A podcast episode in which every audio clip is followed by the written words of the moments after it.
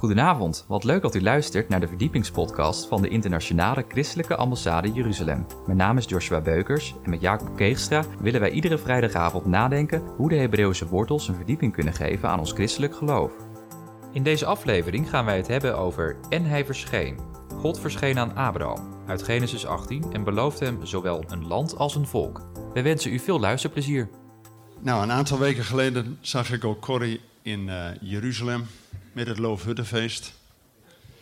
En u weet, aan het eind van het Loofhuttenfeest, Shimcha Torah, dan wordt de Torah geëindigd met de zegen en direct weer geopend met Bereshit, Genesis. En dan is het eerste wat God zegt is, er zij licht. En op dat moment zegt ook Yeshua, ik ben. Hallo. Je mag niet zomaar ik ben zeggen. Dat is alleen ik ben die ik ben. God zelf. Maar als je één bent met de Vader, zegt Yeshua in naam van de Vader, ik ben het licht der wereld. Amen. En dan een aantal van die Shabbaten op een rij. U weet, God zet iedere keer hoog in direct met Genesis en het was zeer goed. Nou, God zet hoog in. Alleen die eerste pericoop is het al zondeval. Maar gelukkig, God laat het daar niet bij. De Shabbat erop, Noach, dan begint God weer en zet hoog in met Noach. Alleen die lezing eindigt met een dubbele. Zonsvloed en torenbouw van Babel.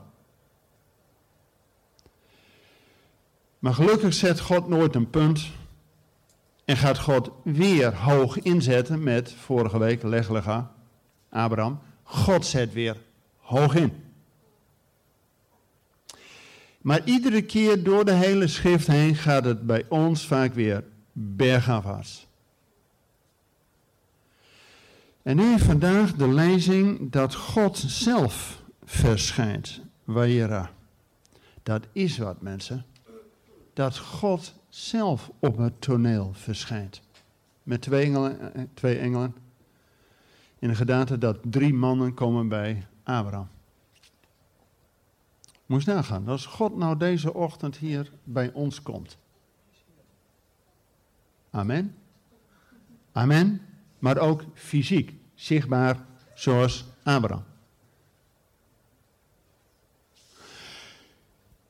En ik heb redelijk geworsteld met deze pasja. Want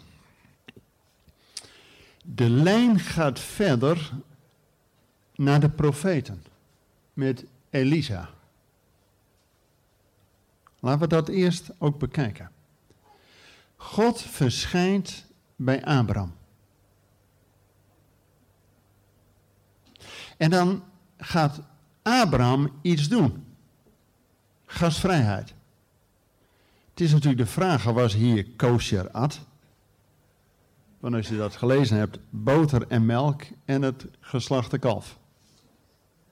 Maar goed, dat is verder aan u. Weet u, dit gedeelte dat God weer hoog inzet, dat hij zijn belofte waarmaakt. Dat precies een jaar later de belofte dat Abraham een kind zou krijgen, wordt vervuld. Alleen, we hebben ook gelezen, en hoeveel jaar is dat ongeveer later, dat Abraham van God de opdracht krijgt om Isaac te offeren. Hoeveel jaar zit daar ongeveer tussen? Hoe oud was Isaac toen hij op het offer gelegd werd? Je kunt het uit de tekst niet exact afleiden, maar ongeveer 33.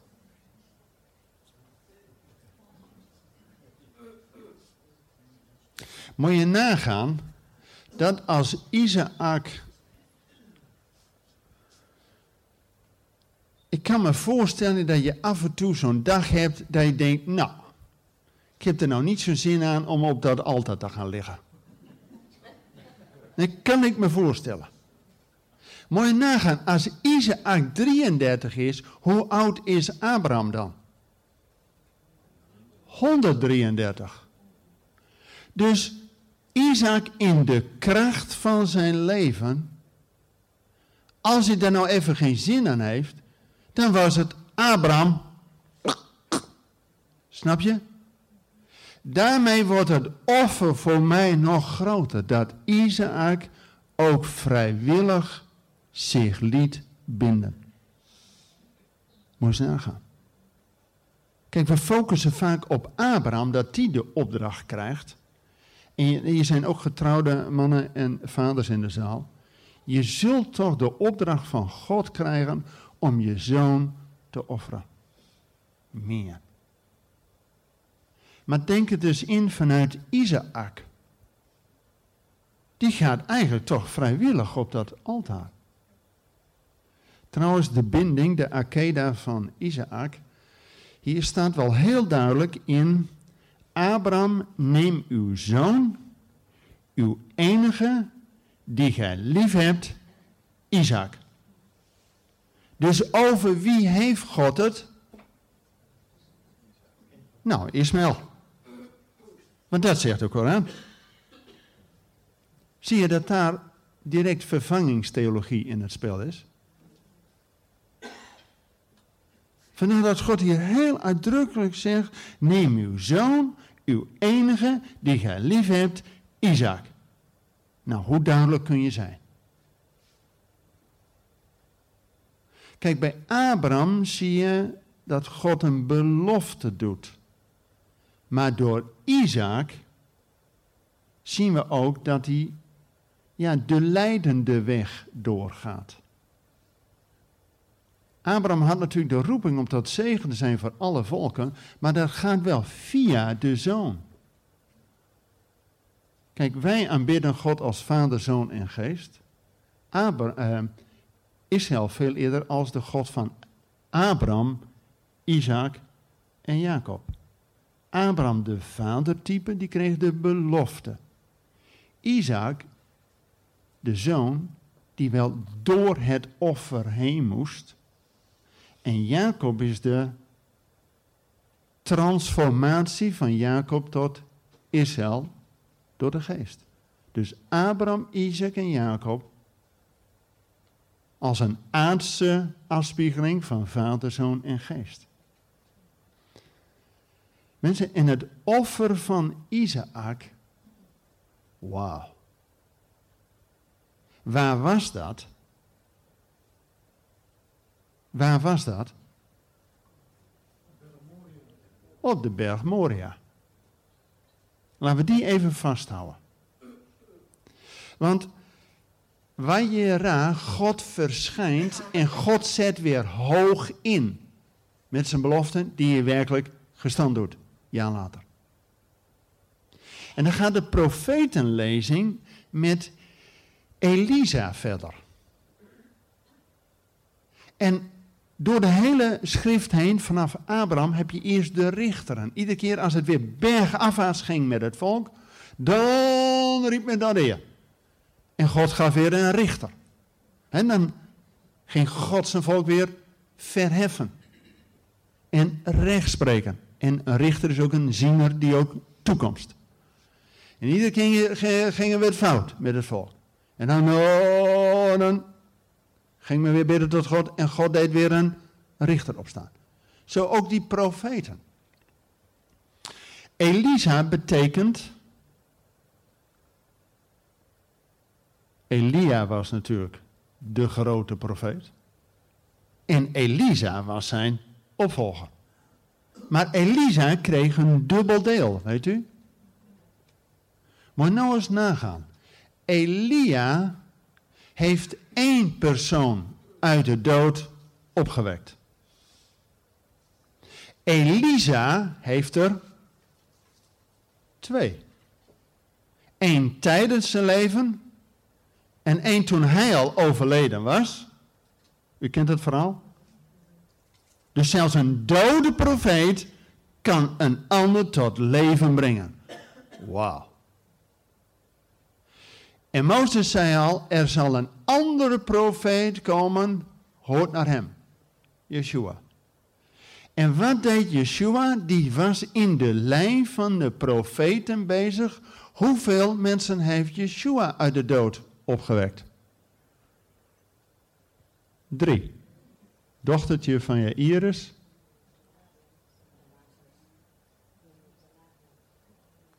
Drie. Dus toen Yeshua zelf uit de dood werd opgewekt, was hij nummer 7. Drie uit, hè? Elia 1, Elisa 2, zijn er drie. En Yeshua ook drie, er zijn er al zes.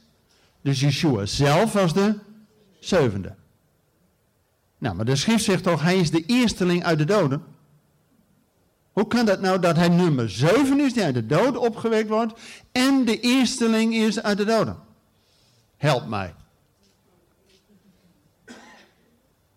Nou, die eerste zes met permissie, die zijn weer levend geworden, maar vroeg of laat toch weer gestorven.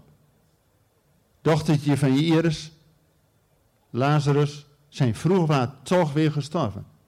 Dus dat was een tijdelijke terugkeer naar dit leven. Maar wat is nou het grote verschil met Yeshua? Dat hij door de dood is heen gegaan en niet weer aan deze kant levend werd, maar er doorheen en aan Gods kant is opgestaan. Met een verheerlijk lichaam. Dus kan hij ook vanuit Gods kant ons te hulp komen. Hij. Van Gods kant, hij is dan de eerste Hebreeër. Abraham kwam vanuit over, hè, aan de andere kant vandaan. Maar die zoon van Abraham komt niet alleen van de overkant van de woestijn, maar komt van Gods kant en komt ons te hulp. Wauw. Dat is nog een profetisch vooruitzicht. Niet alleen profetisch, maar is de zoon van God.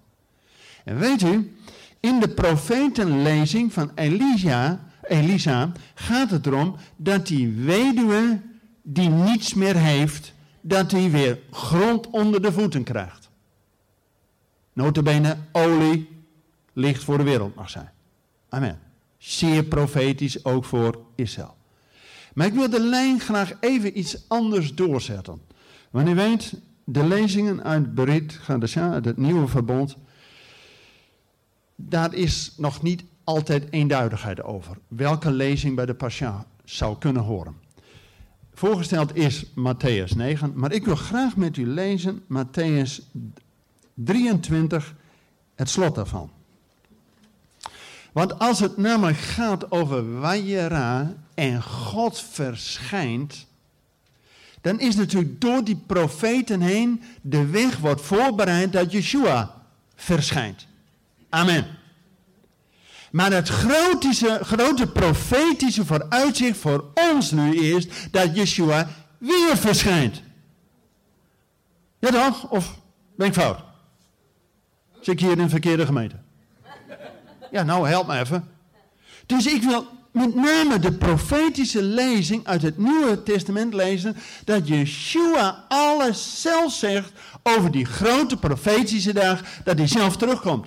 Als Wajara, die God onder ons zichtbaar wordt. Nou, de lezing uit Matthäus 23. En waar Yeshua zegt vanaf vers 37, Jeruzalem, Jeruzalem, u die de profeten, hey, we hadden het net over die profeten, u die de profeten dood en stenig niet waar, die naar u toegezonden zijn. Hoe vaak heb ik uw kinderen willen bijeenbrengen op de wijze waarop een hen haar kuikens bijeenbrengt onder haar vleugels. Maar u hebt niet gewild.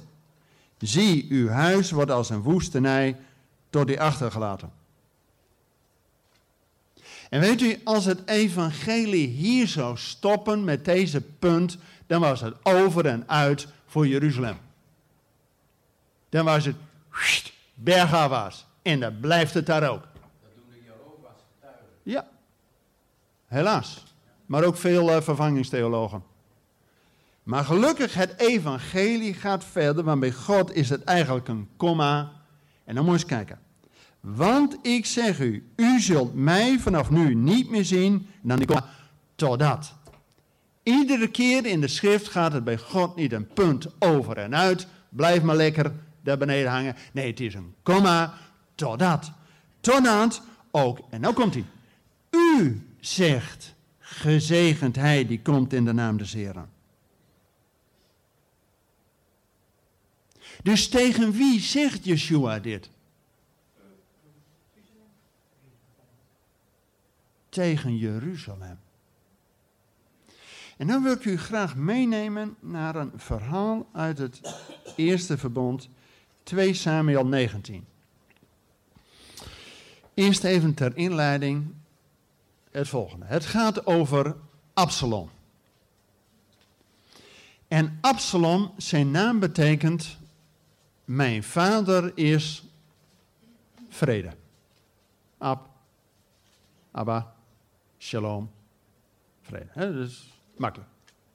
Maar nou komt hij. De naam van jouw vader kan wel vrede zijn, maar wie ben jij? Wat deed die Absalom? Nou ja, je weet hè, als je haar maar goed zit. Hè? U kent het verhaal. Maar toch even ter inleiding. Want dit gedeelte is zo profetisch. Wacht even. Absalom had een strategie. Dat was clever. Want wat deed hij? Zijn pa, David, was al wat oud. En die denkt, nou, die pa heeft lang genoeg op plus gezeten, nou wil ik. En wat deed hij? Hij ging drie jaar lang voor de poort van zijn vaders paleis zitten. En hij zei voor iedereen die langskwam om recht te spreken, hij zei, oh, die pa van mij is oud, uh, druk en uh, kom maar bij mij. En wat deed hij? Degene die het beste cadeau gaf, gaf hij gelijk. Nou, rechtspraak hè? Dus na drie jaar denkt hij, ik heb genoeg fanclub om me heen verzameld, die steunen mij. Dus zonder met zijn pa te overleggen, hij laat zich kronen tot koning. Wauw.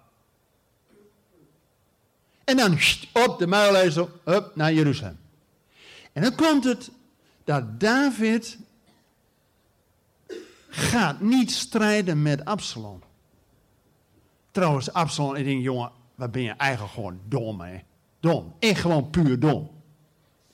Want kijk, David, dat was een geoefende strijder. Die wist wat volharding is. Hij tijden in de slot, uh, in de grot gezeten.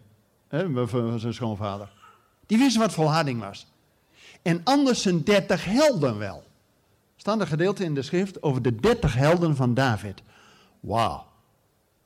Kijk, we weten, David heeft Goliath een kopje kleiner gemaakt. Dat weten we. Maar wist dat een van zijn helden, heeft die vier broers van Goliath een kopje kleiner gemaakt? Moh, Absalom. Als je daar zo even tegen gaat vechten, kijk uit. Een van die andere helden, er staat het was winter, er was een leeuw in een kuil. Uh, en uh, laat een van die helden laat zich zakken in die kuil en die pakt die uh, leeuw even. Denk, nou Absalom, als je tegen dat soort jongens op gaat nemen, kijk uit. Ja toch? Zal ik even voorzichtig mee zijn. Maar David verkiest erom en voor om niet met Absalom te gaan strijden, maar te gaan, nou ja, vluchten. Hij gaat weg. Over de Olijfberg heen, naar het Overjordaanse en dan is een tijdje weg. En dan weten we het verhaal van Absalom. Zijn mooie haar wordt hem noodlottig, blijft erin hangen en einde oefening voor Absalom. En dan komt 2 Samuel 19. Dan zijn die tien stammen, die willen David weer terug hebben als koning. Maar laten we lezen wat de tekst zegt. 2 Samuel 19 vanaf vers 8b. Intussen was Israël gevlucht, ieder naar zijn tenten. En onder heel het volk, alle stammen van Israël, was het tweedracht. Men zei, de koning heeft ons gered uit de hand van onze vijanden en hij heeft ons bevrijd uit de hand van de Filistijnen. En nu is hij het land uitgevlucht voor Absalom. En Absalom, die wij tot koning over ons gezalfd hadden, is in de strijd gestorven. Nu dan, waarom laat u na om de koning terug te halen? Dus dat zegt Israël, de tien stammen.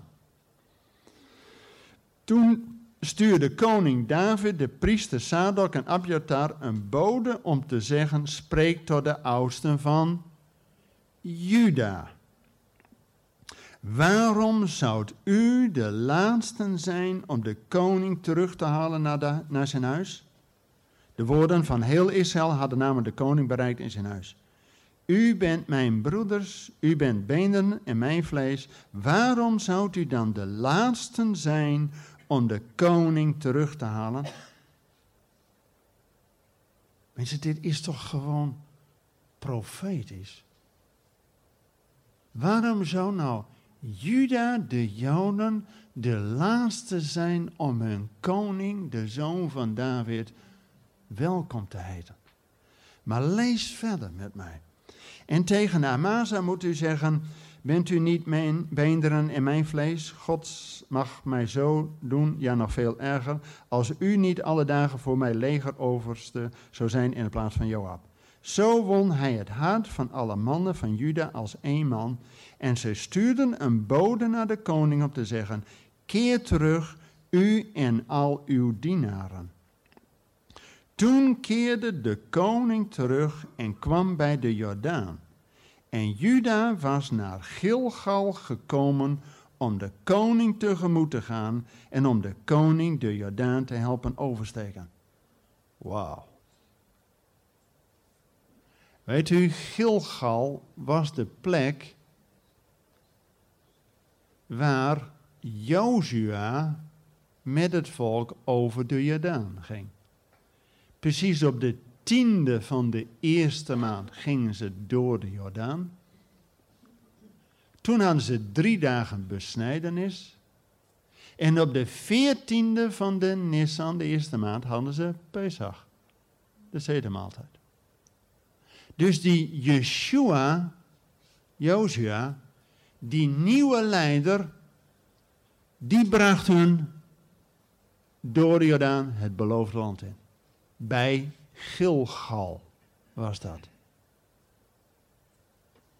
En hier lezen we over David, dat hij bij Gilgal welkom wordt geheten door heel Juda.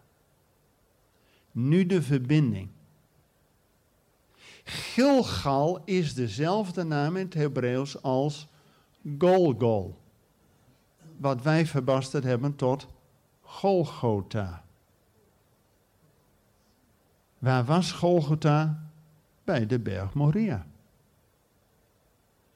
Ziet u de link, mensen? Dat wanneer Israël, de Joden, Juda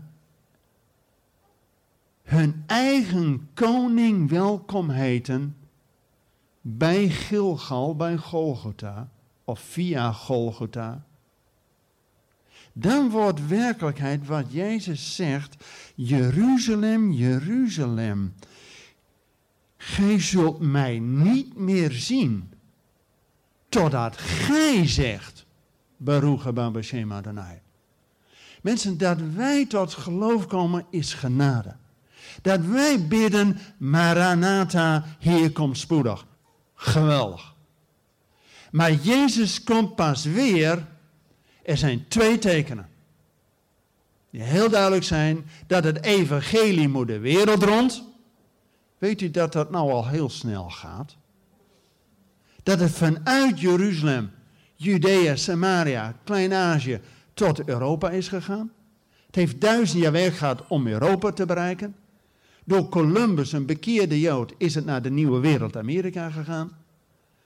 En sinds de 20e eeuw de opwekking van Wales, van Schotland, van Azusa Street, dat het nu ook naar Brazilië, Zuid-Amerika is. Wist u dat er al 30 jaar een opwekking is in Brazilië? Dat er ieder uur van de dag een kerk geopend wordt in Brazilië? Wauw. En als je leest Psalm 122, bid voor de vrede van Jeruzalem. We hebben nu net deze week 500 jaar reformatie gehad. We zijn blij met Luther en Calvijn die ons terugbrachten bij het woord. Maar pas toen men het woord ging bestuderen, en dan ben je een paar eeuwen later, de pietisten en de na de reformatie. Toen zagen ze ook de belofte van God aangaande Gods volk. Dat God ook herstel gaat geven voor zijn eigen volk. En als ze dus ook lezen en bidden voor de vrede van Jeruzalem, dan vragen ze zich niet af van, oh mag dat wel voor mijn kerk, volgens mijn kerkorde, dan doen ze dat. En weet u, er is ook in Pyongyang, Noord-Korea, een grote opwekking geweest, 1906. Pyongyang, broeder, dat is dat Noord-Korea, dan zitten de christen toch uh, in de gevangenis. Ja. Helaas, sinds de Korea-oorlog, 1956, heeft Rusland Noord-Korea bevrijd en Amerika Zuid-Korea. Waar die bij elkaar komen, is de grens. Pyongyang ligt net in Noord-Korea. En de christenen mogen niet eens naar de hemel kijken, zitten massaal in de bak. Wist u dat 40% van hun bruto nationaal product wordt geproduceerd door de christenen die in de bak zitten? Maar in Zuid-Korea zijn de grootste kerken ter wereld. Hè? De ene kerk van Yonki Show alleen al, die heeft 800.000 mensen. Wauw. Ik weet niet wat voor visie voor gebouw u hebt, maar 800.000 kan er nooit in, hè? Dus er komt gewoon zacht, uh, ochtends om 8 uur de eerste uh, eh, 100.000. En dan gaan om 9 uur naar de koffie. En dan komt de volgende. En als je dan bidstond hebt, ben je niet alleen. Als u snapt wat ik bedoel. En weet u, die zendelingen uit Zuid-Korea en nu is China aan de beurt. Al 10% is christen, hè? dat zijn er 130 miljoen. Meer. En die zijn fanatiek. En die willen maar één ding. Via de specerijenroute en de, en de zijderoute. Om het evangelie back to Jerusalem te brengen. En de Heer zegt, jongens het is ook duidelijk. Wanneer Yeshua hier is en al die volken voor zijn troon zijn.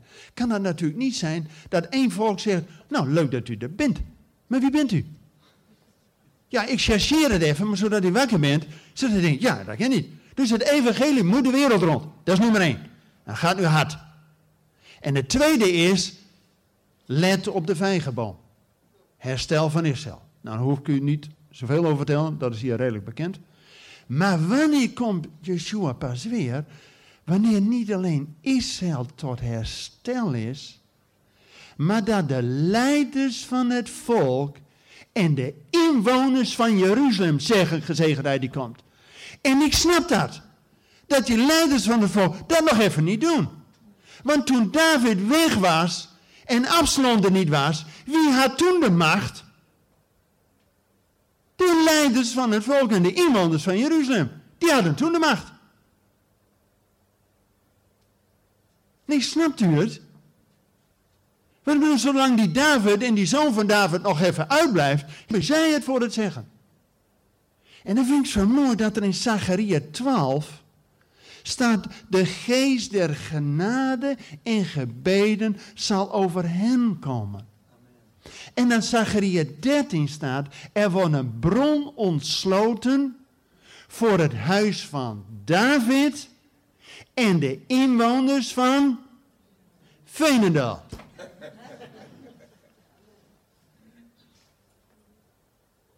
Nou weet u dat wij in de Bijbel staan? Minstens 50 keer. Zo. Laat ik dat eerst zeggen. Dat u niet misdeeld bent, dat u denkt, het draait alleen om Jeruzalem. Het draait ook om ons. Weet u wat er in de gemeentes verkondigd moet worden? Zegt God. Als we het dan toch hebben over wanneer dat God verschijnt. En God bij Abraham, de vader der gelovigen, aan tafel zit.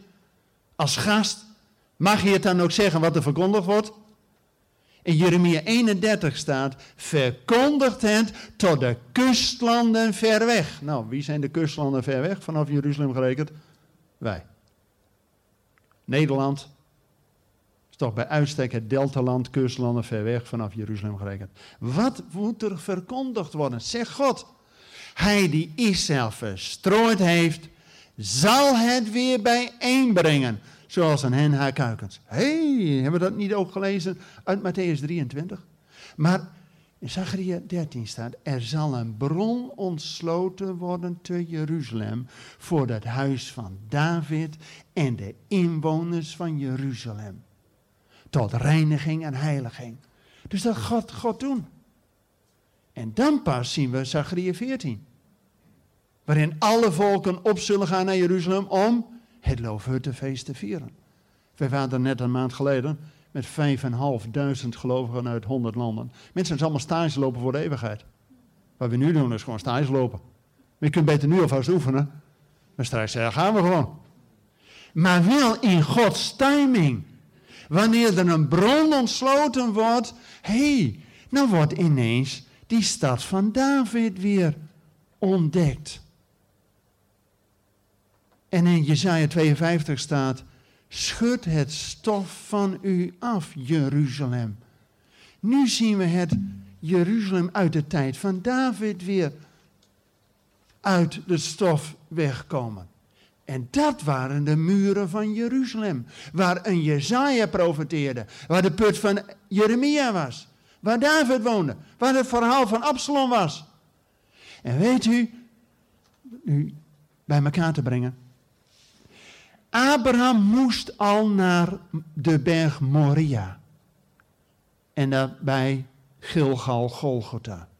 Wanneer ook Israël gereinigd en geheiligd is door het badwater, misschien wel het badwater van Siloam, van de gezondere, hoogstwaarschijnlijk.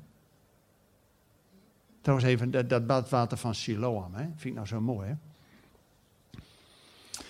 U weet iets van de Tempelberg in Jeruzalem. Net aan de noordkant ervan was badwater van Bethesda. En net aan de zuidkant, aan de zuidkant van de stad van David, is het badwater van Siloam. Weet u, toen David Jeruzalem, toen nog Jebus ging innemen, toen zeiden de Jebusieten, ah, je komt er nooit in, joh. Lammen en blinden zullen je tegenhouden. Maar David zei, je moet via de eh, watergang, de bron van Gion, naar binnen. Zo heeft hij Jebus veroverd en Jeruzalem gemaakt tot hoofdstad van de twaalf stammen. Maar in de tijd van David mochten lammen en blinden niet in de stad komen. En weet u wat die andere profeet dan deed? Yeshua. Hij ging bij het badwater van Bethesda een verlamde genezen. En aan de zuidkant ging hij een blinde genezen. Zodat lammen en blinden geheeld, grond onder de voeten, weer samenkomen in het huis van de Heer. Wauw. Meer. Dat vind ik zo ongelooflijk mooi. Maar het is allemaal vooruitzien dat Jezus niet alleen de profeet is, maar de zoon van de Allerhoogste, die van Gods kant naar ons toe komt op het moment dat ook Israël en met name de Joden zeggen en de inwoners van Jeruzalem, gezegend hij die komt. Yeshua kwam de eerste keer, zeg maar, incognito, maar de tweede keer op uitnodiging. Dus dat het evangelie de wereld rondgaat is één, maar dat wij ook net als een Ezekiel, die andere profeet. Weet u, u kent ongetwijfeld dat de door de doodsbenen, Ezekiel 36 en 37, kent u ongetwijfeld. Daar staat dat die benen weer aan elkaar komen. En vel erover, herstel van Israël. Maar er staat duidelijk bij, en geest was nog niet in hen. En dan moet Ezekiel een tweede keer profiteren tot de geest die uitgestort is naar de vier windstreken, dat ook die geest vanuit de vier windstreken, zelfs vanaf de kustlanden van Nederland, weer over hen gaat blazen. En dan wordt het een machtig leger van Joden. Juda. Wat betekent dat? Een machtig leger van godlovers. Wauw. Dus wanneer ook je, Juda, de Joden, zelf zeggen, gezegend hij die komt, dan moeten ze gereinigd en geheiligd zijn via Gilgal, Golgotha. Dan pas kun je ingaan tot het werk van Heer. Mensen, laten we, net als Ezekiel, ook bidden dat de geest ook over hen komt. Zodat zij niet alleen terug zijn in het land, maar terugkeren tot het hart van de Vader. Want Yeshua kan pas komen wanneer ook Jeruzalem zegt, Jeruzalem, hé, hey, waarin voorzien wordt in vrede. En als we bidden om de vrede van Jeruzalem, Psalm 122, dat is niet alleen dat we bidden dat het gewoon gezellig is daar in Jeruzalem. Dat ze de mensen nou niet zoveel uh, ruzie maken. Nee, als je bidt om de vrede van Jeruzalem, bid je om de vrede vorst van Jeruzalem. Zodat vanuit Jeruzalem de vrede ook deze wereld ingaat. Amen of amen. Ik laat u geen keus, want God wil dat we in zijn plan gaan bidden. Zullen we dat gaan doen, mensen? Mag ik u voorgaan in gebed? Bedankt voor het luisteren naar deze verdiepingspodcast van de ICEJ. Waardeert u onze podcast? Steun ons dan met een donatie, abonneer u of deel deze podcast met uw vrienden of familie. Ga naar www.icej.nl. Volgende week gaan we het hebben over de parasha, het leven van Sarah. Hartelijk bedankt voor het luisteren en tot volgende week.